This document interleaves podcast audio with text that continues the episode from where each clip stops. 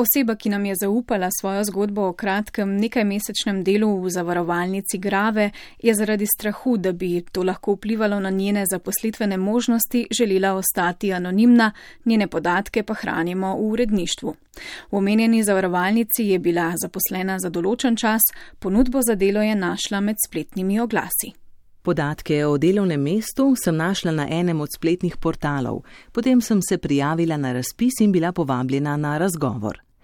Na tem razgovoru se je delo zdelo idealno, dobro plačano. Potem je sledilo uvajanje, ki je trajalo dva tedna. Tam ti predstavijo produkte zavarovalnice, uvajal pa si se potem tudi še sproti. Moje delo je poznaje nekaj časa izgledalo tako, da sem z mentorjem hodila od stranke do stranke.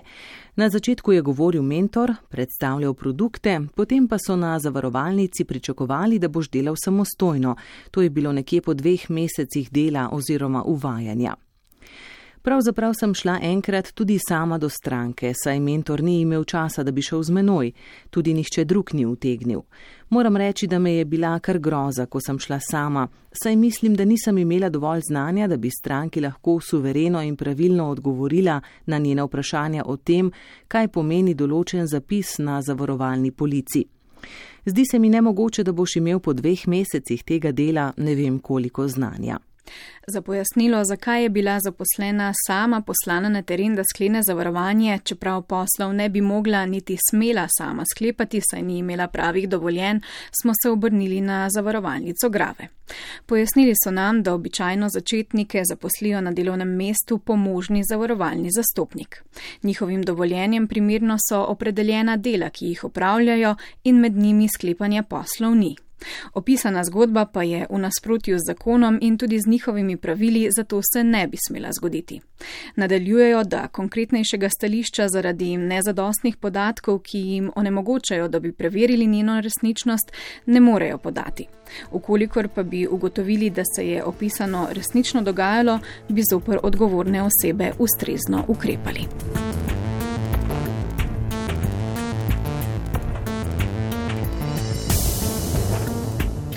Zdaj pa k temu, kar je našo anonimno sogovornico veliko bolj šokiralo kot to, da so jo samo poslali na teren, ko še ni imela dovolj izkušenj. Stranke sem pridobivala tako, da sem na ključne ljudi klicala prek telefonskega imenika. Če so bili za, sem se z njimi dogovorila za termin obiska na domu. Do njih sem se odpeljala s svojim avtom, sama sem plačala za gorivo.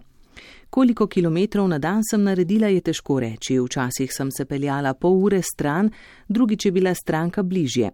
Rekli so mi, da naj bi imela po vsaj dva termina na dan. Na mesec pa se je pričakovalo, da boš sklenil deset zavarovanj, poznaje dvajset. Norme so kar visoke. A deset zavarovanj na mesec ne pomeni le deset vožen v mesecu, nadaljuje. Oglasil si se pri stranki in največkrat je bilo to tudi to. Težko, da bi kaj sklenil na licu mesta. Kot sem ugotovila pozneje, je treba do strank večkrat, preden so pripravljene kaj skleniti. Tako sem se torej vozila do strank za manj, ker nisem sklenila nobene pogodbe, nobenega zavarovanja, pa za vožnjo nisem dobila povrnjenih stroškov. Za plačilo goriva je v posameznem dnevu dala tudi več kot 20 evrov, navaja primer ene od svojih poti, na kateri je opravila nekaj manj kot 60 km, da se je odpeljala do dveh potencialnih strank. Informacijo, da ne bo plačila kilometrine, če ne bo podpisa, so v zavarovalnici na uvodnem razgovoru izpustili, dodaja. Pri zavarovalnici mi na razgovoru niso povedali, da ne dobiš potnih stroškov povrnjenih, če ne skleneš zavarovanja. To sem potem poznaje izvedela. Povedali so mi samo to, da nimajo službenih avtomobilov. Da je za delo potreben vozniški izpit in lastno vozilo, ima Grave zavarovalnica napisano tudi na svoji spletni strani.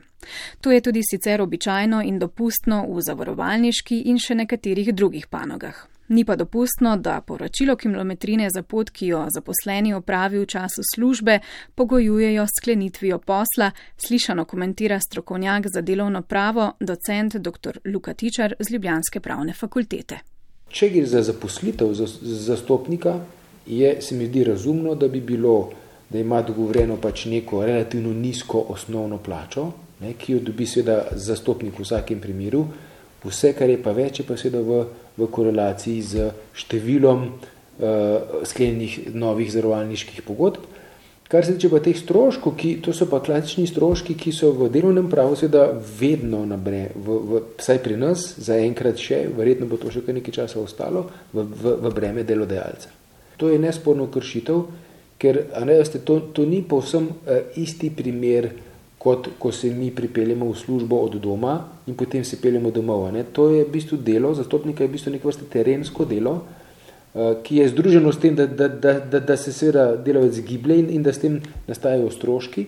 In zdaj, breme nekega poslovnega rizika, nesklenitve pogodbe, tudi če bi bil recimo najboljši zastopnik odzorovalnice na terenu, morda ne, ne sklene vedno posla. Ne? In, in to, ni, to, ni, to ni v skladu eh, z zakonodajo, jaz sem prepričan, da ne. Tudi pogodbeno se, se k temu ne smeš, ne moreš zavezati, ker je to breme delodajalca. Podobno meni tudi Andrej Zorko, izvršni sekretar Zveza svobodnih sindikatov Slovenije za pravna in sistemska vprašanja, ki navaja tudi, kakšni so zneski za poročilo stroškov to vrstne poti. V tem konkretnem primeru to je se delo kapocira za svojim lastnim uh, avtomobilom, kar pomeni to je, da bi ji tudi pripadala kilometrina za vsak uh, prevožen kilometr. Kilometrina to je, ki je kot takšno tudi določena s kolektivno pogodbo dejavnosti. Običajno je to, to je v višini uredbe, kar pomeni nekaj čez, uh, mislim, da ni cela 36, ni cela 38 centa za vsak kilometr. Ta kilometr seveda to je tudi vključuje amortizacijo lastnega avtomobila, kar pomeni to je uh, obraba avtomobila, gume, kilo, kilometre in tako naprej. In uh, je delodajalec tudi to dolžan plačati delovki pogojevati povračilo potnih stroškov z uh, sklenitvijo pogodbe, se pa z nekim uspehom pri delu, je pa po mojem mnenju uh, nezakonito, tudi če je to navedeno kot takšno v pogodbi o zaposlitvi. Da bi izvedeli, zakaj se poslužujejo to vrstnih poslovnih praks, smo se znova obrnili na grave zavarovalnico, ki je lansko poslovno leto končala z 0,7 milijona evrov dobička. Vodja marketinga Vera Kocbek je v odgovoru zapisala, da je delo zavarovalnega zastopnika specifično, zato je temu primirno urejeno tudi povračilo potnih stroškov. Način povračila potnih stroškov dogovorijo v posebnem dogovoru ob sklenitvi pogodbe o zaposlitvi in na tak način potne stroške zavarovalnim zastopnikom tudi izplačajo. Na naša nadaljna poizvedovanja, kaj točno to pomeni in ali res ne plačajo potnih stroškov nastalih zaradi dela, če zaposleni stranko ne sklene pogodbe, pa se niso odzvali.